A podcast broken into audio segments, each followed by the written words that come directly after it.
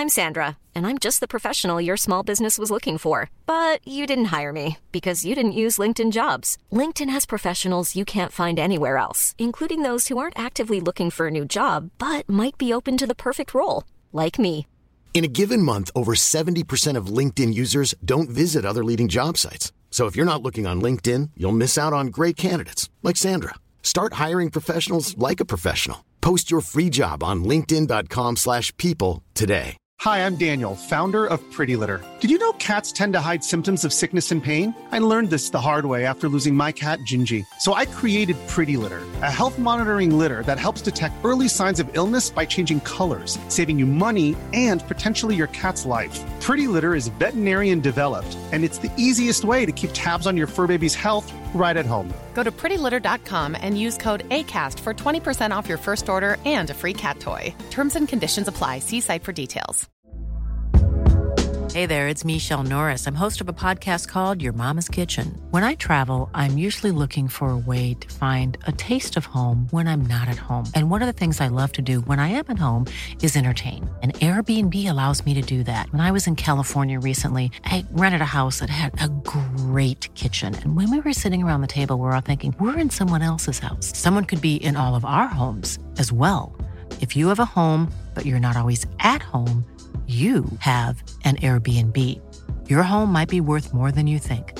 Find out how much at airbnb.com/slash host. Dette er en podkast fra Liverpool supporterklubb Norge.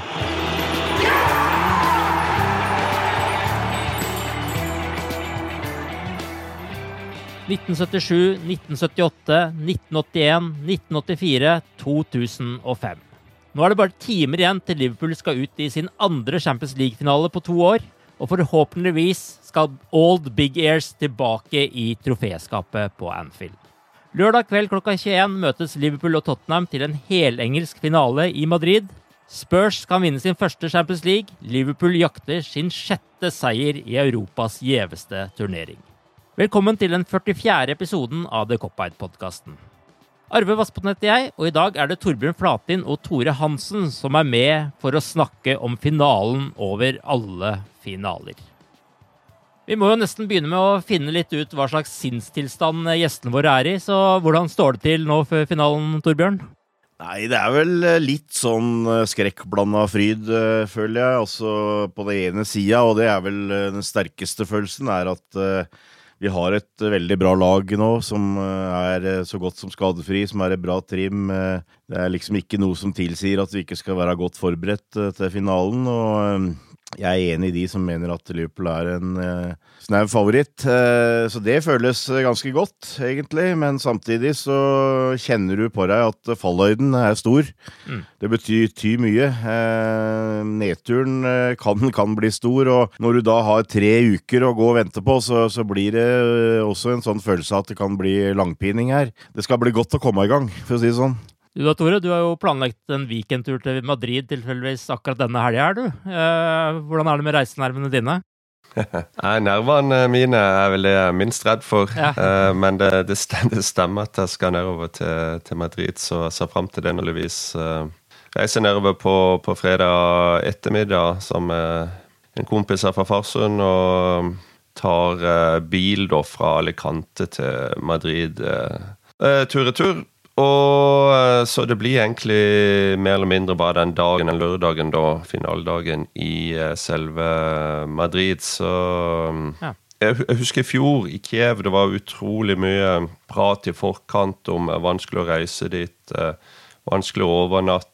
eh, Ukraina, det er liksom ikke Sentral-Europa. og Masse, masse fram frem og tilbake før en kom seg av gårde. Men eh, det ble eh, en veldig bra tur, og jeg tror veldig mange eh, tenker på Kiev som eh, en av de store happenings eh, som Liverpool-supporter, så merkelig den høres ut. For det var, eh, det var nesten eh, tidenes eh, fotballfest eh, før, før avspark. Og Ja. Nå gikk det ikke som eh, vi håpte, men Scouserne er heller ikke folk som eh, henger lenge med hodet. Og, eh, så det, det er liksom fotballkampen er én ting, happeningen og alt rundt det er på en måte en annen ting, og så er det jo selvfølgelig en pakke, da.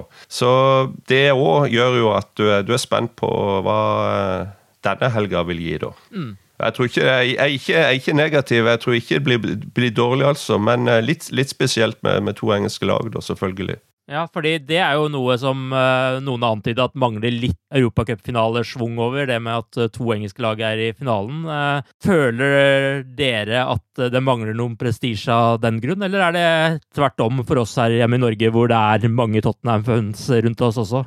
Nei, jeg føler jeg føler ikke, jeg føler ikke det. altså Hvis vi går, går, opp og går ned der og vinner dette, og, og sånn, så er det, er det syns jeg ikke det tar vekk noe på dimensjonen overhodet. Eh, det, det, er to lag som er kvalifisert til Champions League-finalen, og ser en litt eh, på de lagene vi har møtt eh, opp gjennom årene, så, så, er det variasjon der òg. På, på, på, motstander, og jeg tenker ikke merker ikke noe negativt på, på triumf uh, på Wembley for Liverpool sin del mot, uh, mot Brygge og, og, og, den type lag. Altså det, er en, det vinn, er pokal, pokalen av alle pokaler på en måte i i e-cup-sammenheng. og den, eh, Det er svung over den internasjonalt. og Det laget som vinner på lørdag, vil leve lenge, lenge. lenge. Det skapes ny historie, det skapes nye minner. Det er, det er så utrolig mye rundt det. så over, Nei, overhodet ikke.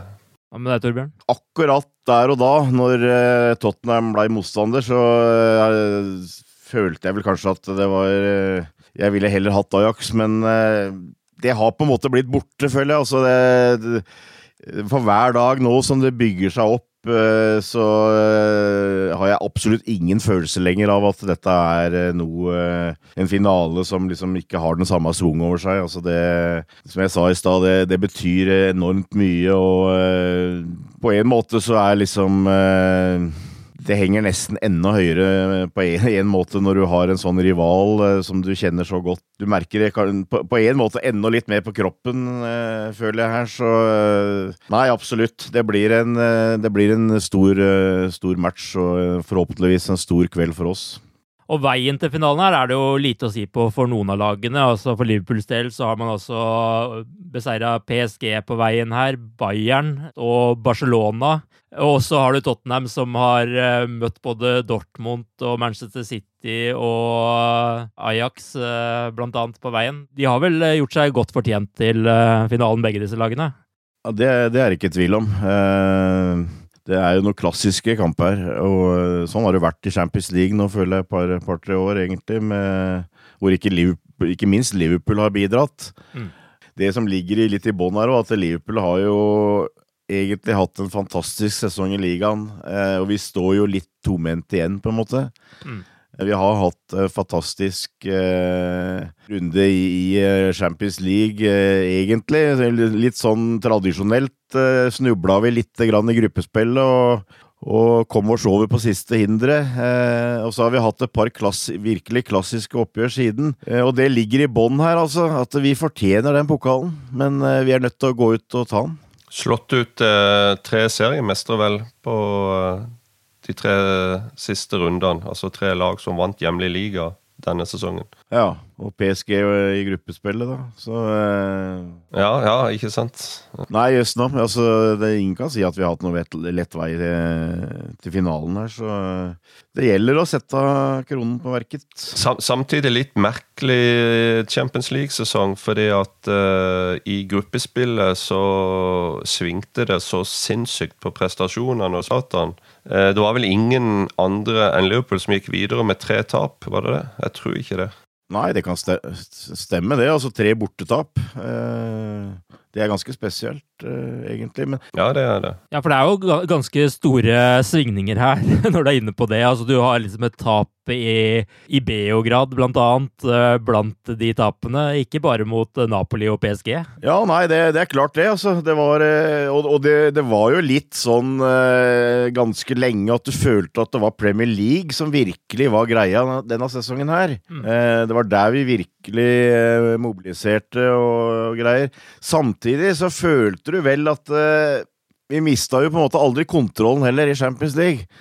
Altså, vi, vi, det blei en sånn gruppe med tre lag eh, som kjempa om to plasser, og vi var hele tida med. Eh, vi så hele tida muligheten til å kunne avgjøre sjøl på slutten eh, med, med, en hjemmekamp mot Napoli. Så, så, det var ikke sånn at vi liksom var eh, hekta heller, men jeg, jeg, tror nok det at eh, i store deler av sesongen så er det jo liksom Premier League vi har tenkt mest på. og Det var jo det vi liksom uh, hadde sett for oss før sesongen, at det, det, var det vi aller helst ville vinne. og, og det var jo mye sannhet til det, selvfølgelig, men uh, det fokuset har jo nå da snudd.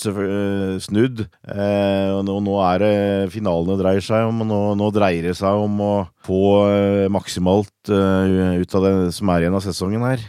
Ja, veldig eh, bra oppsummert på en måte i forhold til den eh, litt merkelige Champions League-sesongen vi hadde innledningsvis eller i høst. Fordi at klassisk så har vi tatt ut alt på en måte i Champions League-oppgjørene, og så har vi sklidd på det berømte bananskallet når vi spilte Stoke eller Vestprom hjemme i neste kamp. Mm. Men her føler jeg nesten at det var omvendt. At uh, vi leverte noen helt sinnssykt svake resultater i Champions League, og så ble det full tenning til helga når vi skulle spille mot et eller annet lag, da. Og um, det er, iallfall en liten sånn refleksjon å se tilbake på det. Så litt sånn uh, utypisk, men jeg tror det er mye sant i det som, som Torbjørn sier, at det var, og har vært hele denne sesongen, det er et ekstremt fokus på Premier League, at vi skulle vinne ligaen. og det, det ser en jo også på den uh, poengsummen vi, vi sto igjen med 12. mai. Liverpool spilte jo også finale i fjor, da mot Real Madrid, og måtte reise hjem fra Kiev med 3-1-tap. Nå skal vi tilbake til Madrid og forhåpentligvis hente pokalen tilbake. Men hva tenker dere Klopp lærte av fjorårets finale, og, og hvordan har det gjort seg utslag i denne sesongen her, og det at vi nå skal spille i ny finale? Ja, altså, det, det, det jeg tror kanskje en del også glemmer, var at uh, i fjorårets finale så var vi det beste laget fram til Salah ble skada. Uh, Real Madrid var uh, veldig defensive eh, til dem å være, egentlig. Og, men i og med at eh, vi fikk toppskåreren skada, så, så, snudde mye av bildet seg. Og da fikk vi se det største problemet, føler jeg, med, med laget til Klopp tidligere, at vi var sårbare.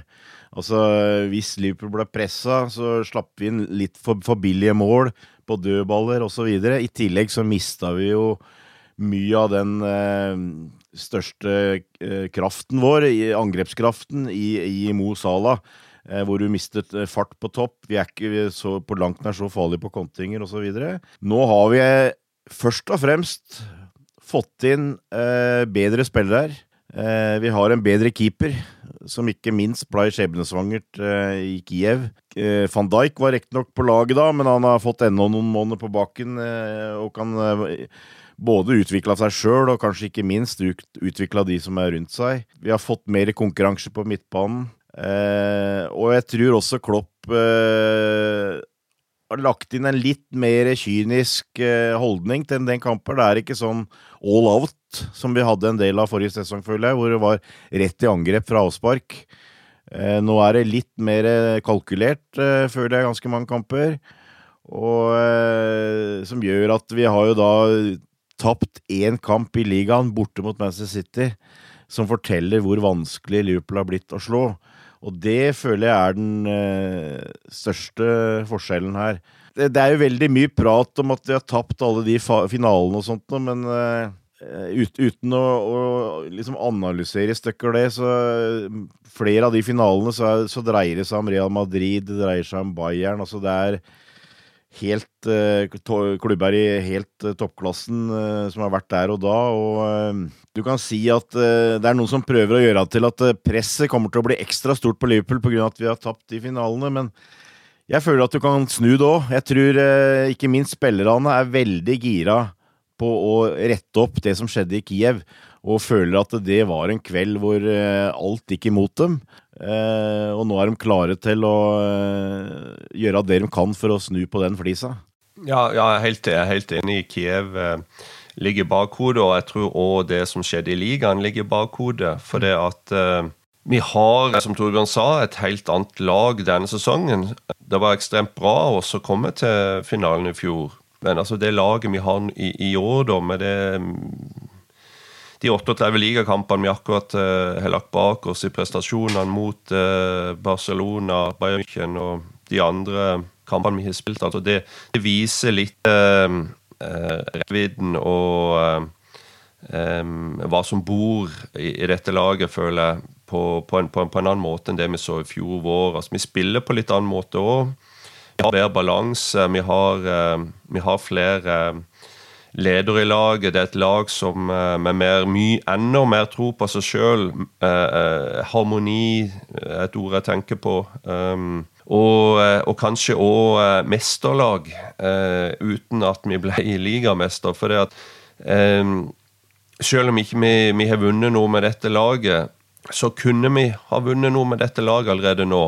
Og eh, i, i, fjor på samme tid så var vi ikke i nærheten av å ha vunnet noe før vi spilte eh, finalen mot Real Madrid. Så, så det eh, Sånn sett så, så, har vi et I år har vi et lag og et mesterskap som eh, helt fortjent kan gå skuffa på sommerferie hvis ikke vi vinner noe, hvis ikke vi vinner den finalen. For det, for det fortjener de virkelig. Og, men altså, det, Spørsmålet ditt var vel egentlig om, om lært noe av fjorårets finale, men jeg tror egentlig det var et sånt freak result i forhold til skaden, skade og målene Karius uh, slapp inn, at det, det blir på en måte um, et, en kamp og et resultat som er vanskelig å sammenligne og, og, og på en måte analysere kodet, for ble, alt ble så spesielt rundt det.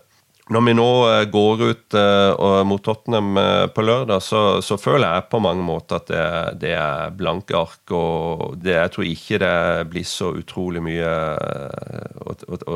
at Kiev i, i, i, forhold til det vi skal prestere på, på lørdag. Det har vært veldig mye snakk om eh, van Dijk og Alison og den innvirkningen de har hatt på laget, men er også en av de store forskjellene fra i fjor den innvirkningen Andy Robertson og Trent Alexander Arnold har hatt på laget denne sesongen her? Altså, jeg så jo eh, Robertson uttalte nylig at han mente at han og Trent hadde blitt mye flinkere til å vurdere når de burde gå offensivt, og når de ikke skulle gjøre det, og sånne ting. Har de vært en eh, viktigere faktor enn man kanskje har gitt dem kreditt for denne sesongen?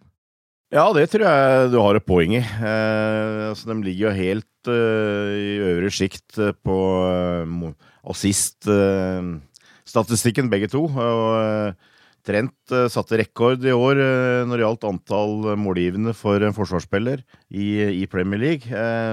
så det, det tror, jeg, tror, jeg, absolutt er en del av det, den utviklinga som Liverpool har hatt jeg, jeg, tror også det er, det er, en del av det at vi nå har fått et forsvar som fungerer, som har en leder, og uh, som gjør at uh, alt er mye mer trygt uh, sånn sett, altså. Så, så absolutt, det, det er et av de store plussa denne sesongen her. Altså, vi fått, og vi har fått et backpar som, som du liksom veit er, er backparet. Altså det, er, det er liksom ikke noe tvil lenger hvem som skal spille der. Det var vel Tidligere så var det kanskje enkelte kamper hvor uh, Alexander Arnold uh, ble satt ut. Uh, og litt forskjellige typer kamper, ikke sant. Altså jeg føler ikke minst han har løfta seg veldig nå siste halvdel av sesongen, og nå er det ikke noe tvil. Altså, det er de to gutta der som spiller. Og, altså, begge kommer på årets lag. Det forteller jo ganske mye. Altså, det, vi, vi, har det beste backparet i ligaen. og det er, det er helt klart et eh, stort pluss. Ja, fordi eh, der har det jo vært en del ganger hvor Gomez, når han har vært eh, spilleklar, har kommet inn i stedet for Trent i viktige kamper og der man skal demme opp. Ser dere for dere at det er noe som kan skje nå også, eller er det den diskusjonen på en måte ferdig nå? Nå er det Trent som skal starte denne kampen? Jeg er jo veldig enig med det, med det Torbjørn sa om de, det backparet vi har. Og, men, og, jeg tror spesielt det poenget med at uh, i fjor var kanskje første hele sesongen til begge i Liverpool, i forhold til at de hadde litt sånn eh, eh litt ekstra puls kanskje når de gikk på banen, for de visste at eh, hvis ikke det var nok, hvis ikke vi presterer, hvis ikke vi viser fremskritt, så, så kan eh, en annen mann eh, komme inn eh, neste kamp. Men akkurat den tryggheten nå med at de er det er ikke noe diskusjon rundt dem. de, det, er de det, er de, to som spiller nå. De, de kan levere én eller to uh, middelmådige eller kanskje til og med dårlige kamper på rad uten at de må se seg over skuldra. Og, og det, gir, det, gir, den der ekstra sjøltilliten, at de kan slippe seg kanskje enda mer løs, spesielt framover. Og, og, ta, og enda sikrere på de vurderingene de må, må gjøre da, når de går Eh, på de eh, lange løpene som de gjør, og, og sette de innleggene som de leverer. Da.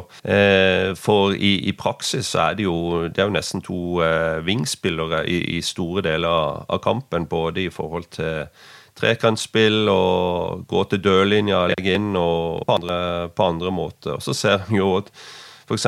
Trent og ikke sant, mot Barcelona, den berømte etter hvert situasjonen der han ubevisst eh, på en måte fint ut hele Barcelona-forsvaret og, og sende inn den ballen til Rie og, Liverpool uh, går videre det, til finalen på det målet. Det en unggutt uh, fra Liverpool på 20 år. det du blir, ikke, du blir ikke mindre når du presterer sånne ting, altså. Du, du vokser på det. Så mm. um, men eh, det som, jeg, det som jeg tenker vi går med, så er jo at det blir veldig spennende eh, fra høsten av hva, hva, som skjer da, med tanke på Matip og, og det som han har levert i vår. For det har vært eh, top notch. Det har vært helt på øverste hylle og mot meget gode motstandere også.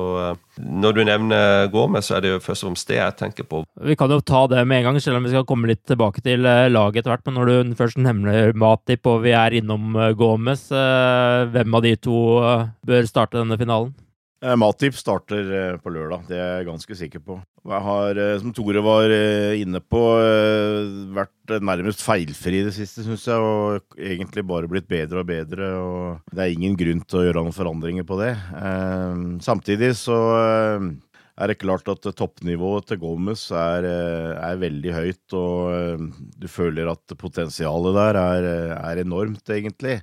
Eh, nå er det mye snakk om eh, transfers og hva Liverpool skal styrke og litt forskjellig, og det har jo vært, eh, vi har jo vært linka til eh, delikt eh, på, på, Ajax og sånt, men signalen fra Anfield er vel at midtstopper er ikke en av de plassene som Klopp har tenkt å uh, bruke penger på i sommer. og mm. og hadde ikke hatt noe mot de likt, det er ikke det, men du, du, skjønner også begrunnelsen. altså Det eneste begrunnelsen til å eventuelt gjøre noe for meg, er at uh, det er et par spillere der som har vært plaga ganske mye av skader. Mm. Men eh, ellers så har vi veldig bra dekning, syns jeg. Og eh, det, det, det, blir spennende til høsten, fordi jeg, jeg tror nok eh, I hvert fall i høst, eh, sist høst, så hadde Klopp i huet det at eh, van Dijk, eh, Gomez, det, det var stoppeparet hans. og antagelig i lang tid framover. nå har Matip kanskje satt noen spørsmålstegn i huet på den, men uh, i utgangspunktet så vil jeg jo kanskje tro at Gomez uh, er et førstevalg fra, fra høsten av igjen, men det må han vise i sommer. Så det, det, blir, det blir, spennende. Men uh, der, der, har du potensialt en, en he, spiller helt i toppklassen, ung spiller med fart og sånn. Det, det, ser veldig lovende ut, det, da. Men, men her og nå så er det ikke noe tvil om at uh, Alexander Arnold spiller på høyrebekken og Matip spiller i Forsvaret. Noe annet vil være en sensasjon. Du utfordrer ikke Torbjørn på den, eller Tore? Nei, jeg er helt enig. Det, ja. det er omtrent sånn som jeg ser på det.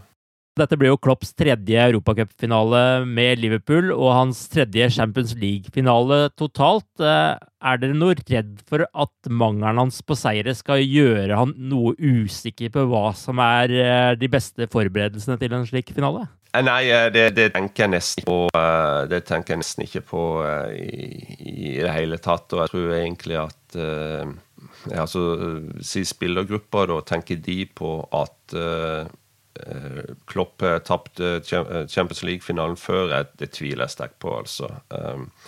Jeg tror det er, det er, fokus på å kjøre det, det safe, trygge forberedelsene som, som de har gjort uh, i forhold til de kampene de spilte i, i, Europa tidligere denne sesongen, med litt uh, variasjon kanskje i forhold til at det er en finale. og jeg vil jo heller kanskje snu på det og si at den rutinen Liverpool har i Europa, alle de europacupkampene de har spilt over så mange år og Jørgen Klopp òg har vært med på i andre klubber. Det, det, er jo en ting som skiller seg litt ut i forhold til, til Tottenham og Liverpool. At uh, Liverpool er jo en European royalty, ikke sant. Og mens dette f.eks. er første finalen i, i Champions League.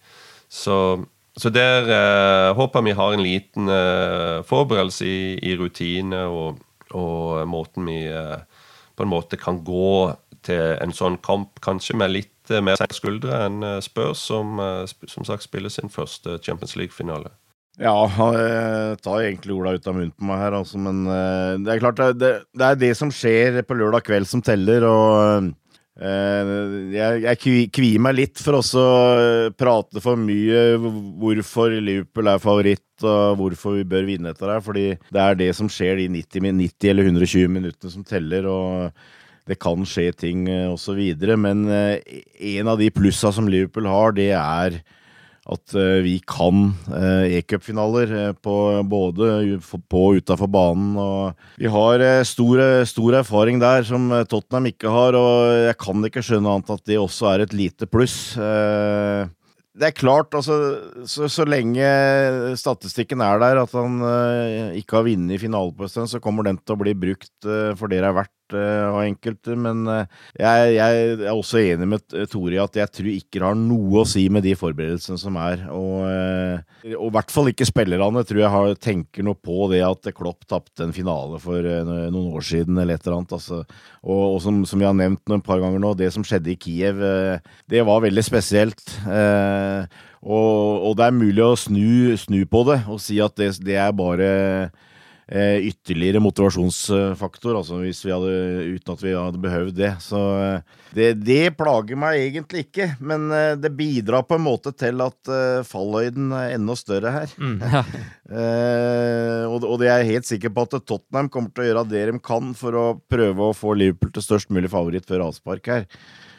Det, det, tror jeg, men om det vil ha noe innvirkning, det det verken tror eller håper jeg det vil. Altså, jeg tror, eh, tror, Liverpool kommer til å være så godt forberedt som det er mulig å være. Vi ser jo her at Liverpool reiser til Madrid et par dager seinere enn Tottenham. Eh, hva tror dere er årsaken til det? Er det noe Klopp har lært her, f.eks.?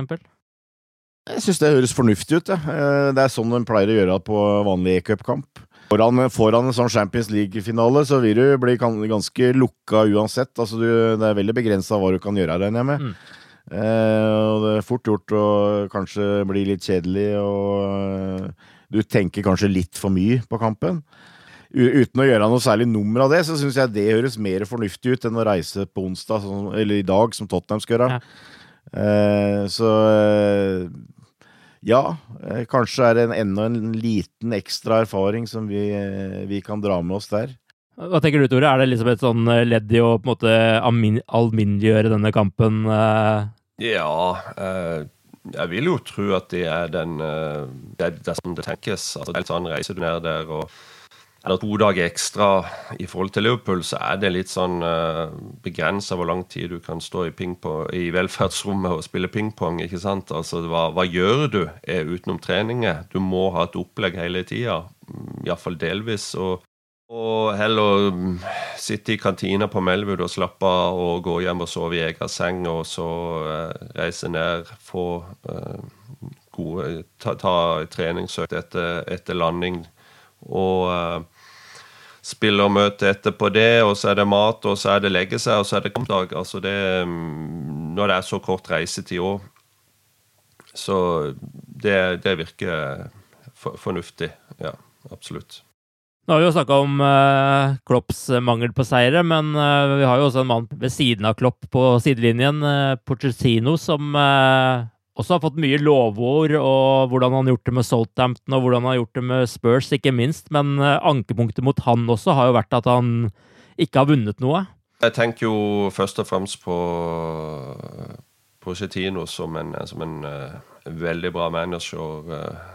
Det, det, det, mener vel egentlig alle. Både han og Klopp blir kanskje delvis satt i, i samme kategori uh, i forhold til De spiller ganske likt, uh, lik type fotball. Um, de, um, de, er, de er manager i to klubber som uh, har uh, nokså likt utgangspunkt i forhold til hva de kjemper mot. Altså Hvis du ser på League, da, så hvis du tar vekk Leicester da, i, var det 2016, så, så må du vel tilbake til den Arsenal-tida på tidlig 2000-tallet. Eller så er det City, Chelsea, United. United på, med både brand og, og um, rundt den klubben. Og City og Chelsea med de pengene de har fått inn på lovlig eller ulovlig måte, som uh, du, du, kjemper mot. da. Og, mm. Så på mange måter så så, så, er, så er Klopp og uh, Pochettino de er liksom uh,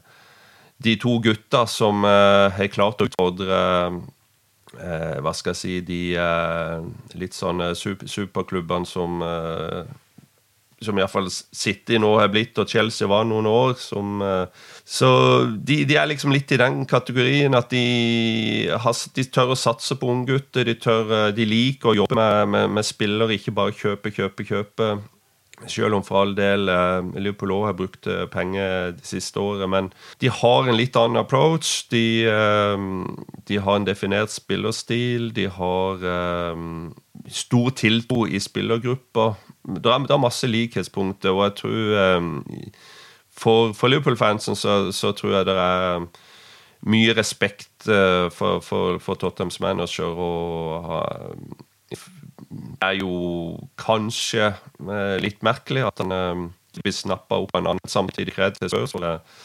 For det de er i ferd med å, å skape med, nå, med, med nye bane og sin første Champions League-finale, som sagt. og Klarer de å beholde han en to-tre år framover, så, så, så, vil bety massivt for, for den klubben.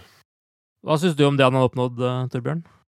Eh, jo, altså, jeg, jeg, føler jo at eh, Tottenham eh, av topp seks, så er det den klubben som ligner mest uh, på Liverpool for øyeblikket. Det er bare at de, vi har kommet et skritt eller to lenger, føler jeg. Og så har du det som står igjen med, med pokaler og sånt noe. Det er ikke tvil om at jeg, jeg syns Pochettino er dyktig til å skape et lag som også kan være vanskelig å slå. Altså, jeg syns de har blitt bedre defensivt. altså jeg vokste jo opp med Tottenham, og vi kalte dem Southern Softies. Altså, det var et lag som på sitt beste kunne spille god og underholdende fotball, men eh, når det kom til stykket, så svikta de egentlig alltid, i hvert fall i ligaen. Altså, det var ikke eh, ryggrad nok. Eh, det syns jeg han har forandra noe på, også fordi jeg syns de er bedre defensivt. Og så har de i tillegg noen veldig gode, unge spillere her framover på banen. Det, og det er jo imponerende hva de har gjort Eh, med nærmest uten å bruke penger. Og stadion har jo vært en svær greie. Men sånn, sånn som det er litt nå, føler jeg jo egentlig at det hender jeg snakker med en Tottenham-supporter. og de, de, er nesten nå blitt hjernevaska, føler jeg, etter at det, altså, vi bygger ny stadion, så vi kan ikke forvente noe som helst, egentlig. Eh, og at de er jo i himmelen for at de havna topp fire. og og så har de selvfølgelig grunn til å være i himmelen for at de kom til Champions League, for der har de hatt marginene veldig på sin side og sånt noe, men uh, jeg tror i hvert fall ikke det er noe press på Pochettino og at han må vinne Champions League. Jeg tror Tottenham er veldig fornøyd med at de kom med i eh, kvalifiserte til Champions League, og så, og så, kommer på en måte den neste testen for dem. Uh, for en dag så må de, må de begynne å bruke penger igjen òg. Eh, og da spørs det åssen de bruker dem som eh, som vi er avhengig kan du si, om de kanskje tar det steget opp, som jeg tross alt fortsatt føler at de eh, har å ta. da. Men for all del, altså, det tror jeg vel har skint gjennom mange av de kommentarene som har vært før kampen og sånt noe her, både, både av supportere og, og, av de, og, av de, to klubbene, så, så, er det respekt for det Tottenham har gjort og står for. Og som sagt, jeg føler at uh, de ligner Liverpool eh, mest, egentlig. Eh, ligner mest uh, på den modellen som, som er på Anfield, og sånn sett så er det jo Det er jo kanskje et et lite kors, da, at de to klubbene som uh, har brukt minst penger de siste uh, fire-fem åra av, av topp seks i England, det er dem som er i finalen i Champions League. Så uh, all, all, honnør til, til det, altså.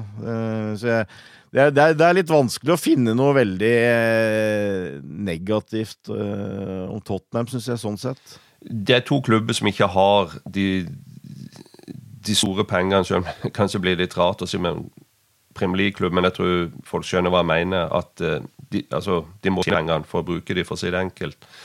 Og da må du ha um, manager, et uh, team rundt det, uh, rekrutteringsavdeling, for å kalle det det, akademi, som jobber sammen og har samme Eh, filosofi, og som har trua på det de driver med, og har en klar, klar strategi i bunn hele veien. Og Det kan ta litt tid å jobbe inn, eh, og det er vel litt det som òg er med begge de to eh, managerne, at det, det, det er tatt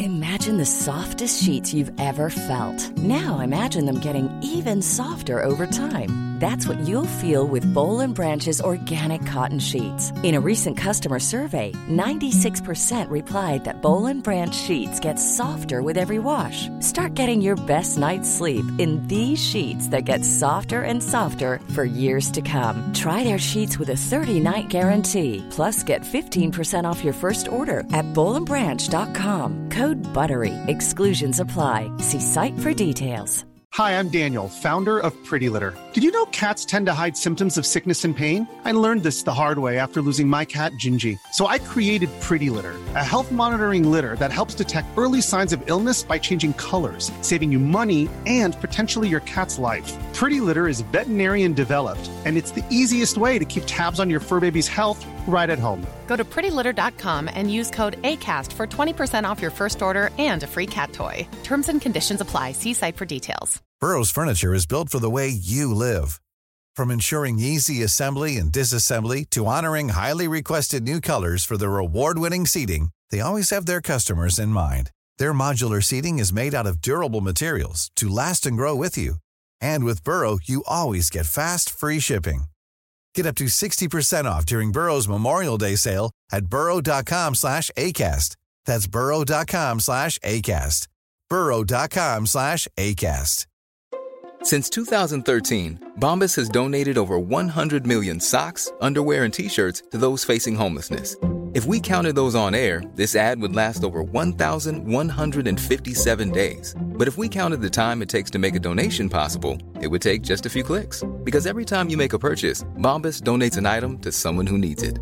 Go to bombas.com slash ACAST and use code ACAST for 20% off your first purchase. That's bombas.com slash ACAST, code ACAST.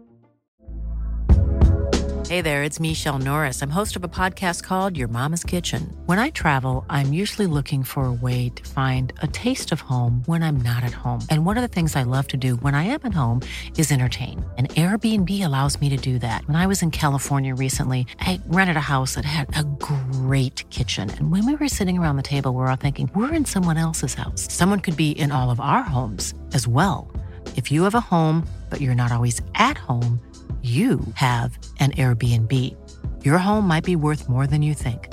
Find out how much at airbnb.com/slash host. To-tre år å få ting, ting, på plass her.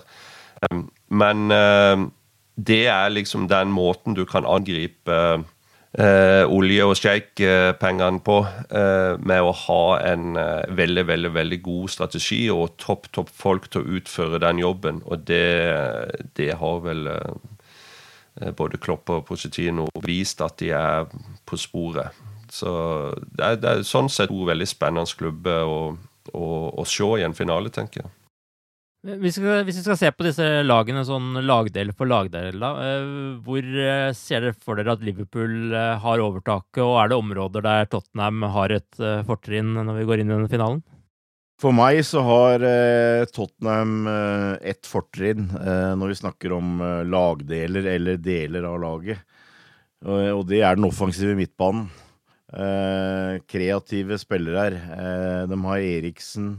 De har Dele Alli, eh, de har Lucas Mora, de har til og med Erik Lamela å sette inn eh, der. Og det er ikke noe for så vidt uvanlig det når vi snakker med Liverpool og, og motstandere her i topp seks. Det er et område som vi har forbedringspotensial i, men der er Tottenham sterkere. Og det er det vi må stoppe, føler jeg. Altså det at uh, Tottenham er et lag du føler er uh, alltid i stand til å kunne skape noen sjanser. Uh, og de er gode på dødball, med, da først og fremst gjennom Christian Eriksen. utenom det så vil jeg jo egentlig hevde at vi er bedre i det meste på papiret. Altså, jeg mener vi har en bedre keeper. Eh, vi hadde tre av fire inne på årets lag eh, fra Forsvaret. Vi har fått inn eh, Fabinho som eh, midtbaneanker, og eh, for meg er det en vesentlig forskjell eh, når du skal spille mot Tottenham. Det kommer vi sikkert tilbake til når vi skal sette opp laget her, men det syns jeg er et pluss. Jeg syns uh, Fabinho er hakket bedre enn det Tottenham har å by på der. Og så har vi de tre framme. Og jeg er selvfølgelig klar over at Harry Kane uh, høyst sannsynligvis er spilleklar, da. Og, og, er engelsk landslagsspiss, men jeg føler allikevel at vi har vel så mye å bidra med helt framme. Så det, det, er det å, føler jeg, kunne kneble eh, de eh, folka som skaper sjanser på Tottenham, som, eh, som er utfordringen for Liverpool. Men jeg, jeg, jeg sitter jo med følelsen at Tottenham har vært så store utfordringer. Hvordan ser du på det, Tore? Altså, Harry Kane har vært ute i sju uker, eller noe sånt, og det, så selv om han, er, han spiller klart til helga, så, så, må det jo være noe Det må være en sånn tøff, tøff call for, for manageren når man skal tørre å starte man eller ha han på benken. Nå er det jo bevist at de har eh, bra, eh, bra folk, eh, bra tropp, selv om ikke det handler noe de, de to vinduene den sesongen, og, og, har folk som kan skåre. Det som kanskje har vært en sånn ting med, med, Tottenham, og vi så det sjøl når de spilte på Anfield, det var det at Og ikke minst i de to semiene mot Ajax. de kan av og til levere svake førsteomganger og så gjør de endringer, og så er de nesten et helt annet lag, eller iallfall mye, mye bedre i, i andre omgang. Og det, det går både på, på manager, eh, spiller og system de, de, de bruker. Så litt sånn eh, litt flashback fra eh, når vi spilte mot Sevilla, så følte vi leverte en så bra førsteomgang og, og leda i pausen. Jeg var nesten helt sikker på om vi skulle klare dette. at Leder vi i Madrid, så, så, tror jeg ingenting er avgjort. Tottenham har muligheter til De har folk hele tida som kan skåre mål. De trenger ikke å være best. De kan likevel uh, skåre og vinne kamper. Det er de, det er de bevist. Og som Torbjørn sier, så er de en veldig veldig sterk uh, offensiv midtbane som vi må nøytralisere. Så det er mange moment her, og uh, sånn sett med de, med de managerne, de måten de spiller på, to offensive lag, liker å spille med høyt press. og uh, Jeg blir veldig veldig overraska hvis dette blir en sjansefattig 0-0-1-0-kamp, altså. For Liverpools del så blir jo ikke Nabi Keita klar til denne kampen, men eh, det ser det heldigvis ut som eh, Roberto Firmino blir. Eh, hva slags mannskap er det beste Klopp har tilgjengelig til denne kampen, slik dere ser det? Nå har vi Forsvaret har vi allerede dekket opp, og Alison er vel rimelig klar, men ja, altså for, for, meg så er det kun spørsmål om hvem som skal spille på midtbanen. Mm. Uh, og jeg regner jo med at Klopp spiller 4-3-3 i utgangspunktet med, med Salah, Mané og Firmino på topp. Og da har du eh, tre av fire, eh, og der eh, vil jeg jo påstå at du kan nesten ta hvilken som helst kombinasjon eh, eh, i utgangspunktet. Og så da tenker jeg jo da på Fabinho, på Vinaldum, på Milner og på Henderson. Eh, min treer er Fabinho, Vinaldum og Henderson de to kampene som Liverpool har spilt mot Tottenham tidligere denne sesongen, så har de da ikke hatt med Fabinho. Så vidt jeg kan skjønne, så er det, er det jo da Vinaldum som har uh, vært anker. Uh, og det håper jeg han gjør, Klopp gjør noe med, egentlig. Uh, men det er litt interessant å se. altså James Milner har spilt begge kampene mot Spurs, og han, han vil jo da utgangspunkt ha på benken, men altså jeg mener at den balansen som Fabinho, Henderson og Vinaldum gir, er, den, er, er, for meg den beste. Altså, Fabinho er definitivt uh, det beste ankeret, og vi prata om at vi har eh, offensive backer, altså vi har i praksis wingbacker, og det, det, kan vi blant annet ha fordi at vi kan trekke ned Fabinho som en tredje stopper, nærmest. Mm. og så har du Vinaldum som løper og løper og løper, god til å holde på ballen Eh, gjør en jobb hele tida. Og så har du captain sjøl, eh, Henderson, som jeg føler har eh, løfta seg veldig nå på slutten og er helgira til å starte. Og jeg jeg, jeg syns det er veldig vanskelig å se for seg en startelver på lørdag uten Jordan Henderson. Uh, ut fra det han har vist i det siste. Og da, da blir James uh, Milner den som detter ut, men det er ikke sikkert. Uh, han har ei høy stjerne hos Klopp, og, så det er jeg litt spent på. Men det er egentlig det eneste spørsmålstegn jeg har blant de elleve, altså.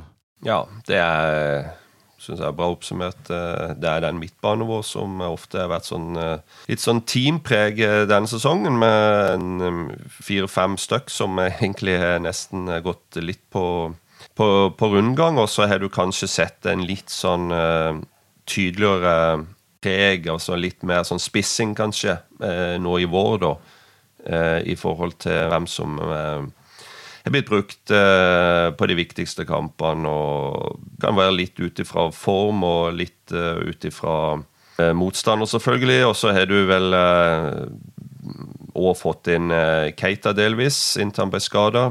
Så det har vært litt, eh, litt eh, bevegelse og mange forskjellige kombinasjoner, men jeg er helt enig med at eh, de, de tre der som, som, Torbjørn nevner, med Henderson, Vinaldum og Fabinho, det er, det er tre veldig det er, en solid midtbane, men det var midtbanen nå som sleit i andre omganger på Panfield. Eh, vi ble overkjørt i store perioder, klarte ikke å kontrollere ballen. og eh, Tottenham fikk det periode altfor for lett. Og eh, det ble en eh, mye mye jevnere kamp enn det jeg hadde trodd eh, på forhånd. Og vi var faktisk litt heldige som klarte å, å, å vinne 2-1 der.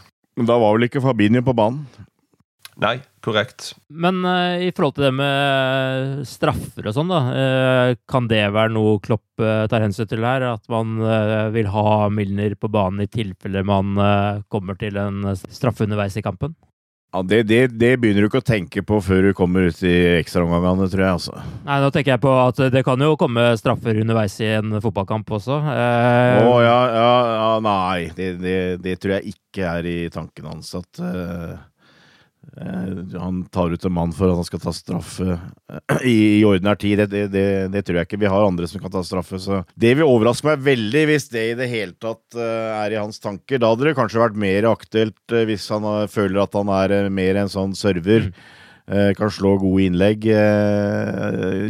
Milner er en type som på en måte kan trekke litt mer ut på kanten enn de andre indreløperne, føler jeg.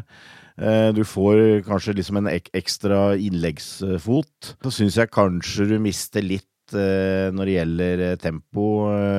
Sjøl om han ikke har dårlig fart, James Miller, så, så syns jeg kanskje mangler du, du, mister litt av den energien og drivet som f.eks. Vinaldum har, da. Så, så, det blir litt hva du vil ha, selvfølgelig. Og så selvfølgelig Altså Henderson og Milner, eh, altså det er jo 100 disiplin. Eh, men dette er en kamp eh, hvor du vil forvente at det er Liverpool som skal være sjef. Pochettino er en gammel argentinsk midtstopper. Kynisk som bare det som spiller. Jeg syns han har noe av det samme, dratt med seg noe av det som manager. Altså, han kan være ganske kynisk. Jeg sitter med en følelse at Tottenham har uh, kreative, offensive spillere, så det blir ikke bli veldig defensivt. Men jeg tror i utgangspunktet så tror jeg Tottenham kommer til å gå ut ganske forsiktig på lørdag. Altså. Jeg tror de uh, forventer at uh, Liverpool skal kjøre ganske mye i starten, og, og heller satse på å få overganger. komme fram i gode posisjoner, få en dødball eller to, altså. Så jeg vil innbille meg at i, i huet til Klopp så har han et lag som eh, skal styre denne her kampen her. Det vil, det vil jeg tro. Nå er det jo også sånn at Liverpool har mulighet til å ta med seg tolv innbyttere til denne finalen. Eh, er det lett å finne ut hvem som skal sitte på benken? Er det bare å kaste inn på alle mulige, eller er det noen uh, taktiske vurderinger som uh, må gjøres der også? Jeg hadde en sånn liten diskusjon med min gode kollega Jonny Stokkeland her en kveld. Og, vi, men, men, vi, av en eller annen grunn så hadde vi fått inn i huet at det var elleve innbyttere. Og, og, visste ikke om Keita skulle være med eller ikke. Og nå virker det vel veldig klart at han ikke er med aktuell i det hele tatt. Så, så, det gjør det litt lettere. Det er klart du har en del å bygge på, men det kan være en liten problemstilling der. Altså, fordi at eh, hvis du veldig kjapt eh, Hvis vi sier det laget som jeg regna opp, da, med, med Fabinho, Vinaldum og Henderson på midten, så har du av det du kan kalle seniorspillere, så har du Gomez, Lovren, eh, Moreno du har eh, Milner, uh, Shakiri Sturridge. Uh, ja, Sturridge, Origi, Lalana, uh, Ox. Altså, vi kom opp i ti stykker. Mm. og så skal vi bruke Skal vi ha én eller to keepere? skal, skal ha en åpning for at det kanskje at alt går på trynet, at du får to keepere skada, så skal du ha en tredje der. så også det var liksom bare én til overs, så da trodde vi kanskje at det ble uh, Rian Brewster. Men altså, det er litt sånn, altså Ikke sant, Moreno, kommer du til å få bruk for han? Uh, men, men, blir det liksom for Hva skal jeg si hardt i gåseøynene å ikke gi deg uh, vinnermedalje, liksom? Altså være på benken i finale? altså hvor, hvor, mye sentimentalitet skal du, skal du, ta med i betraktningen her, når du tross alt har tolv stykker? Altså, det er jo tre-fire stykker her som du forventer ikke At det vil være helt ekstreme tilfeller hvor du får bruk for dem. Så det, det var litt sånn der, men eh, når det blei så mange, og, og, Keita i tillegg er borte, så føler jeg jo kanskje ikke at det er et stort problem. Men du kan si at kanskje en eller to av de juniorene får et lite svar på at eh, dere er med her videre. Eh, og så, så, føler jeg kanskje at det er et lite spørsmål med Klopp. Altså hvor kynisk eh, har han lyst til å være overfor et par av de, de gutta som antagelig er på vei ut, eh, og som eh, noen vil synes hadde fortjent eh, å, å, gå opp og hente en medalje etter lang og tro tjeneste. Altså. Men eh, noe stort eh, problem er det jo egentlig ikke. Har du noen forventninger der, Tore? Nei, jeg har ikke tolv andre navn. Nei, akkurat Nei. Men uh, det, det, det, som er interessant med en bank, eller uh, det blir jo, Hva skal du kalle det nå, med tolv spillere? Det, ja, innbyttere. Uh, det er jo hvem har du som kan komme inn og endre kampen.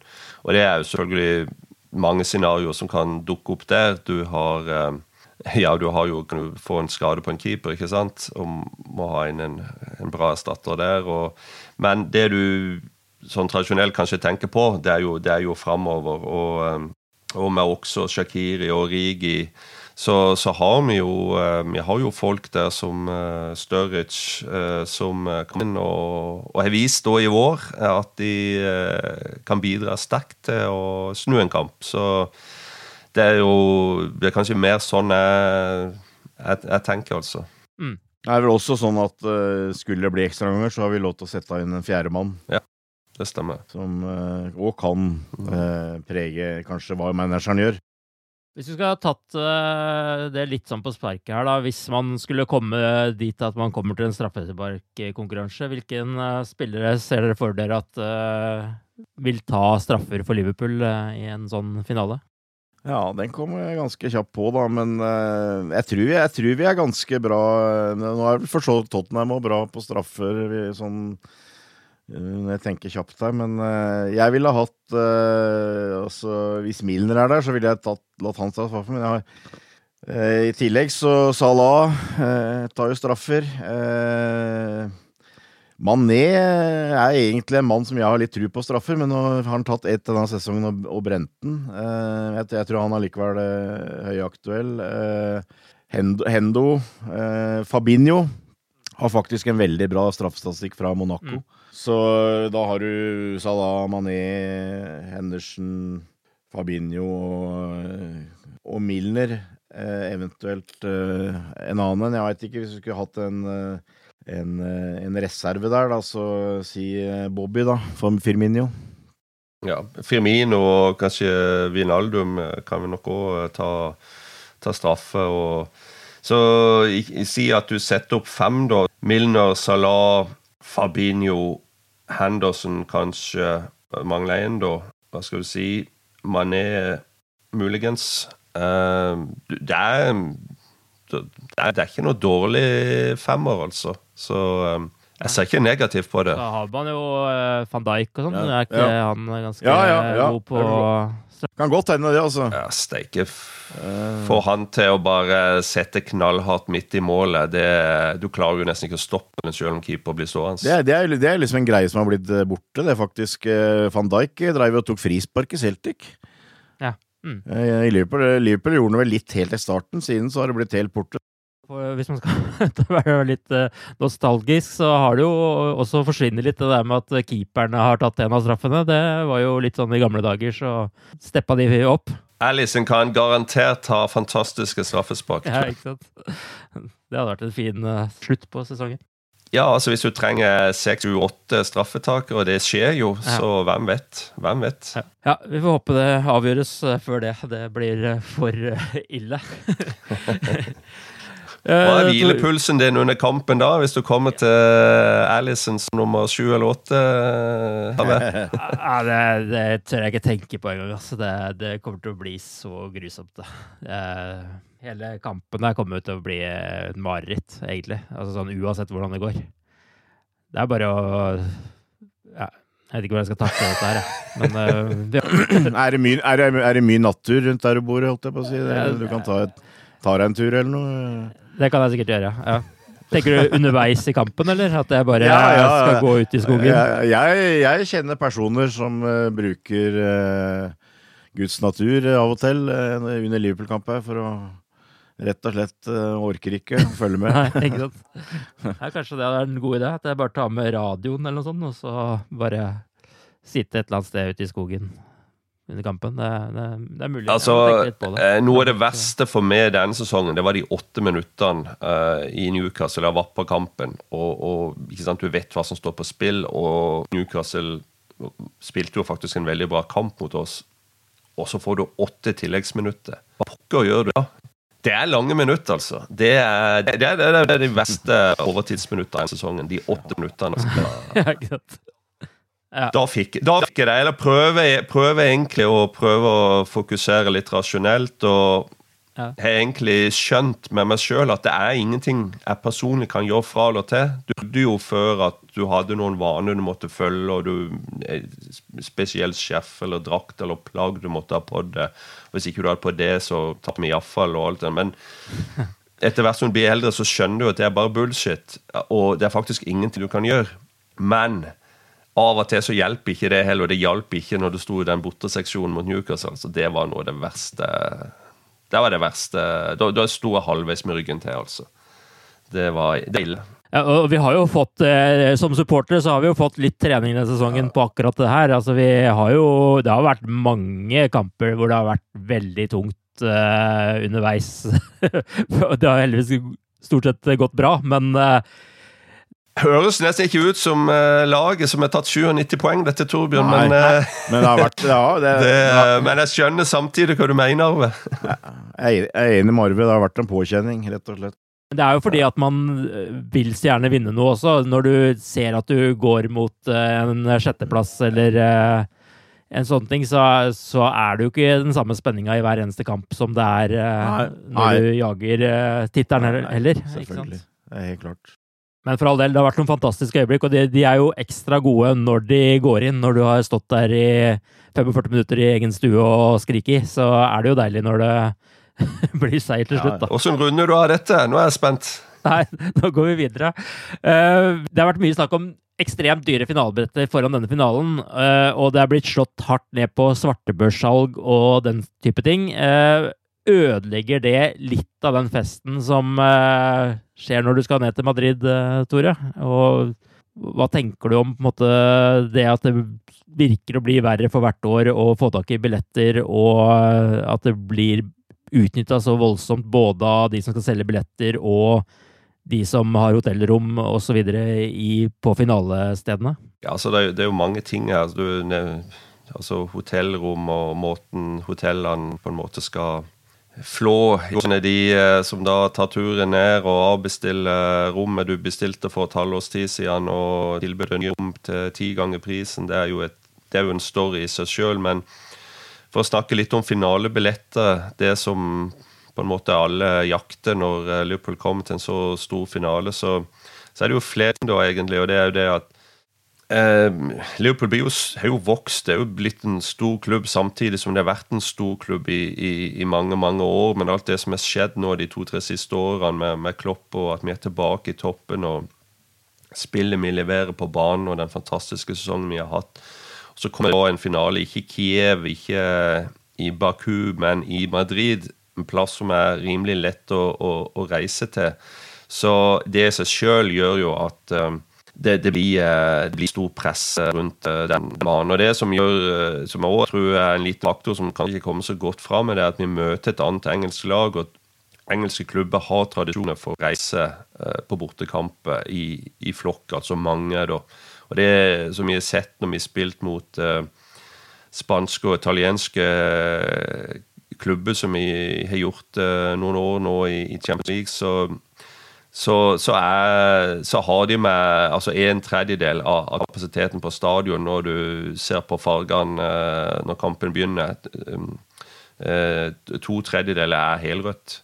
Og, eh, og det gjør meg òg litt uh, forbanna på et vis, for det at uten å blame Liverpool FC sjøl, så, så, blir jo liksom det med at vi, altså fansen, da er med og å sette sånn preg på både innenfor og utenfor stadion på en positiv måte. og det blir brukt da i ettertid med at eh, nesten hele stadion er rød. Når du spiller mot Milan, og når du spiller på, mot eh, Real Madrid, så, så er det ingen som spør seg hvordan kan det skje? Hvordan kan så mange billetter havne på feil i gåseøyne hender. For det, er jo det som må ha skjedd. Liverpool og Real Madrid har jo like store kvoter, men eh, allikevel så er det så mange flere Liverpool-folk som vil reise på en kamp, og på et eller annet vis klarer å kjøpe opp billetter eh, via, via, via. Og det skjer år etter år etter år etter år. Men det som har gjort at klubber nå, og det gjelder vel òg både Tottenham og Liverpool, det er jo det at det er blitt et ekstremt, et ekstremt prisnivå. Eh, altså 30 40 50 000 kroner for billetter, og, og, og mer, kanskje. Og, og, det har gjort at eh, hva skal jeg si, forbruk, forbrukermyndighet, supportorganisasjoner har nå satt et veldig veldig fokus og press på klubbene og Uefa. Hva er det som skjer her? Dette er jo, dette er jo dette er jo bare vilt. Det, det, skal jo ikke skje. Det er jo ikke, det er jo ikke fotball for den vanlige mann lenger. Hvordan hvordan kan billetter skifte hender på den måten? Her er det jo mange som må svare for seg. og Det Liverpool kan gjøre, er jo å prøve å ha trekk eller fokus på eh, de billettene de sjøl eh, sender ut, eller selger. da. Eh, 16 000, nesten 17 000 billetter. 10 500 til hva skal jeg si, vanlige supportere, resten til sponsorer og tidligere aksjeeiere og spillere, familier og X-players og alt de greiene der. Eh, og det er de billettene, det er de som på en måte Liverpool da har gjort, tatt noe action på. De billettene som de sjøl har solgt via sitt system, eh, som de da kan finne ut av har bytta eier og blitt solgt til ti ganger prisen eller, eller verre. Men Uefa, hva gjør Uefa med, med, med alle de billettene som kommer på avvei? Ingenting, antagelig. Som før. Og uh, det jeg frykter, og helt seriøst, i det, i det kaoset, i det folkehavet, i den hva skal jeg si, feststemninga som er, det er at uh, ting som vi ikke ønsker å se på en fotballbane, når de mister oversikten på hvem som står hvor, og, uh, og det gjør de gang på gang på gang på gang så det er jo litt dumt å måtte snakke om dette på en dag som uh, vi, uh, vi, har vunnet minner fra, fra E-cupen med, med Heisel. Årsdagen for Heisel i dag, og de 39 som uh, omkom der.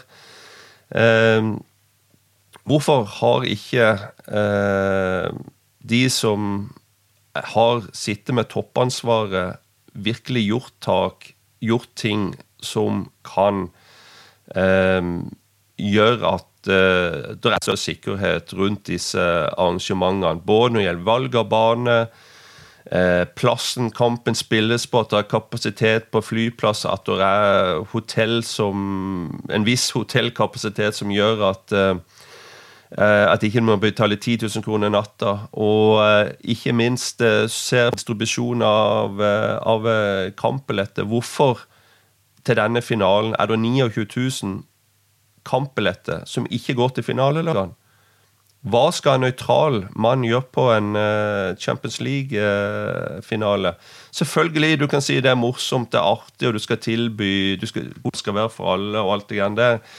Men når du kommer til noe så ekstremt som finale, så er det masse Uefa nå må se på. Jeg tror faktisk at det kan bli en, en god ting fra det vi uh, har sett med at det er fire engelske lag nå. Uh, i to store finaler, og i begge tilfellene så er det masse problemer rundt, både med reise, med salg av billetter, priser på både reise og billetter. Sånn at de fire klubbene nå, altså Chelsea, Tottenham, Liverpool og Arsenal, jeg tror de kommer til å samle seg og, og gå til EFA og si at her må det skje noe. Nå er det nok. Nå må vi eh, endre dette. Hva tror du, Torbjørn, er løsningen å på en måte begynne å arrangere disse finalene på de aller største arenaene, eh, og slutte å sende folk til eh, Kiev og Baku og sånne ting, eller hva tror du? Det syns jeg høres ut som en veldig god løsning. Altså for eksempel ta de fire, fem, seks største nasjonene og, og, rett og slett ta én stadion, altså Wembley eh, i England. Eh, Parc de Prix i Frankrike eller et eller annet sånt noe. Og, og, og f.eks. beslutte i forveien hvor det ligger an til at uh, hvis det ikke er noe ligger an til at ingen engelske lag kommer i finalen, så kan vi ha det på Wembley. Hvis ingen spanske, så kan vi ha det på uh, Bernabeu eller et eller annet sånt. Altså det, det føler jeg eh, både vil være riktig. Og eh, jeg, jeg, det, det, blir kanskje en liten digresjon og litt på sida her, men jeg, jeg, satt og så på Sportsnyhetene i går kveld, og, og eh, Terje Svendsen, som vel er president i Norges Fotballforbund, ble intervjua, og han forsvarte at uh, finalen i Europaligaen er lagt til Baku. Uh, og, og, grunnen var at uh, det var viktig at alle medlemsland blei eh, liksom Kom fram i lys og fikk muligheter til å eh, vise toppfotball og sånt noe. For meg så understreker det bare at det fortsatt eh, er griskhet som eh, hersker eh, på toppen av Uefa og Fifa. Altså, eh, jeg, jeg, ser liksom ikke noe vi, vi har liksom ikke kommet så veldig mye lenger eh, siden Heisler 85, syns jeg. Altså det, det stadion, eh, fans, fordeling av billetter eh, det, det, blir prioritert sånn som det passer eh, Uefa og Fifa, og eh, ja, Uefa i dette tilfellet her, da. og, og jeg, jeg, håper at de store nasjonene kan få gjennom en ordning. Altså det, det er ingen eh, lag fra Aserbajdsjan som kommer til å spille eh, Champions League-finale på en stund. Altså, så la, la, de store finalene eh, gå der det er mye plass, og som gjør at det blir en rimelig eh, fornuftig fordeling av billetter eh, til fansen. Det, det syns jeg høres ut som en veldig god løsning, og jeg, det er på høy tid. Og vær sikker på én ting, folkens. Hvis det skjer noe bråk der nede, hvis det skjer noe med F.eks. som i Basel, hvor det var en stor seksjon med engelskmenn eh, tett inntil bortesvingen til Basel. Og der var det knuffing og eh, bråk før eh, kamp, rett før avspark, tror jeg det var. Og det var antagelig et felt som ikke skulle gå til, til Liverpool-supportere. Og tro meg, skjer det bråk der nede, så er det ingen i Uefa som kommer til å holde opp hånda. Det er ingen andre enn finalelagene, supporterne til finalelagene, som, eh, som uh, vil, vil, sitte igjen med noe, med noe her. Og for all del, vi, vi som reiser på en finale, skal oppføre oss. Vi, uh, vi, er gjester i Madrid. Vi skal gå på kamp og ha det moro. Og, og, det er fokuset til 99,9 år, både av Tottenham og Liverpool-supportere. Men med over 30 grader, en del uteservering før kamp, spenning Uh, alt som skje, kan skje potensielt underveis og sånt. Uh, det fins tullinger på begge sider, det vet en jo. Sånn er det. Sånn er det alltid. Så kan det skje noe. Og hvis du da har driti deg ut med billettfordeling, hvis du da ikke holder den, uh, hvem så, så, så, vil en se igjen. Uefa vil ikke ta noe skyld. Det blir, det blir fansen, blir supporterne, og, og det uh, media og alt som, som følger med. Så, så det er er synd at uh, det er sånn når det er den viktigste kampen i året kanskje skal spilles, at uh, vi fortsatt står uh, der vi gjør. Sånn at dette ikke blir en sånn 100-timerssending ned til finalen, så får vi vel nærme oss avslutningen. men vi må jo til slutt få litt tips fra dere hvordan det går på lørdag. Torbjørn, hva tenker du blir resultatet? 3-1 til Liverpool. Nå tok du ordene ut av munnen min, eh, Flatin. Så jeg har ikke noe eh, bedre Det var det, det, det jeg òg har hatt og gått og tenkt på. Men jeg liker, altså, jeg liker ikke sånne tips overhodet, altså. Men jeg visste det spørsmålet kom, så jeg tenkte ja. litt på det før sending, holdt jeg på å si. Og 3-1. Jeg går for den. Jeg ville tatt ja. det nå. ja, det er bra. Det er fint. Vi går for det. Eh, med det så takker vi for denne gangen og krysser fingre og tær og armer og bein og alt vi har om en Champions League-triumf på lørdag. Det har dette laget her virkelig fortjent etter denne sesongen her. Tusen takk til alle dere som har lyttet til oss. Eh, og husk at vi har et eget arrangement på Sentrum Scene på lørdag i forbindelse med finalen. Det finner dere mer informasjon om på liverpool.no. Vi håper selvsagt at vi er i godt humør når vi skal snakke om finalen eh, neste podkast. Eh, tusen takk for denne gangen, og takk for at dere var med, Tore og Torbjørn. Ha det bra så lenge. Up to Reds. Up to Reds, ja.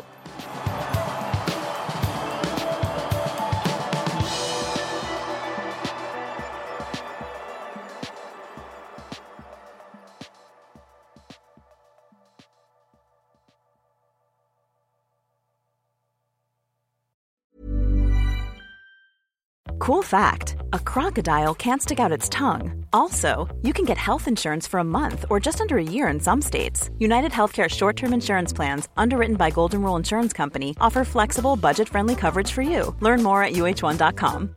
Hi, I'm Daniel, founder of Pretty Litter. Cats and cat owners deserve better than any old fashioned litter. That's why I teamed up with scientists and veterinarians to create Pretty Litter. Its innovative crystal formula has superior odor control and weighs up to 80% less than clay litter. Pretty Litter even monitors health by changing colors to help detect early signs of potential illness. It's the world's smartest kitty litter. Go to prettylitter.com and use code ACAST for 20% off your first order and a free cat toy. Terms and conditions apply. See site for details. Planning for your next trip? Elevate your travel style with Quince. Quince has all the jet setting essentials you'll want for your next getaway, like European linen, premium luggage options, buttery soft Italian leather bags, and so much more and is all priced at 50 to 80% less than similar brands. Plus, Quince only works with factories that use safe and ethical manufacturing practices. Pack your bags with high-quality essentials you'll be wearing for vacations to come with Quince. Go to quince.com/pack for free shipping and 365-day returns.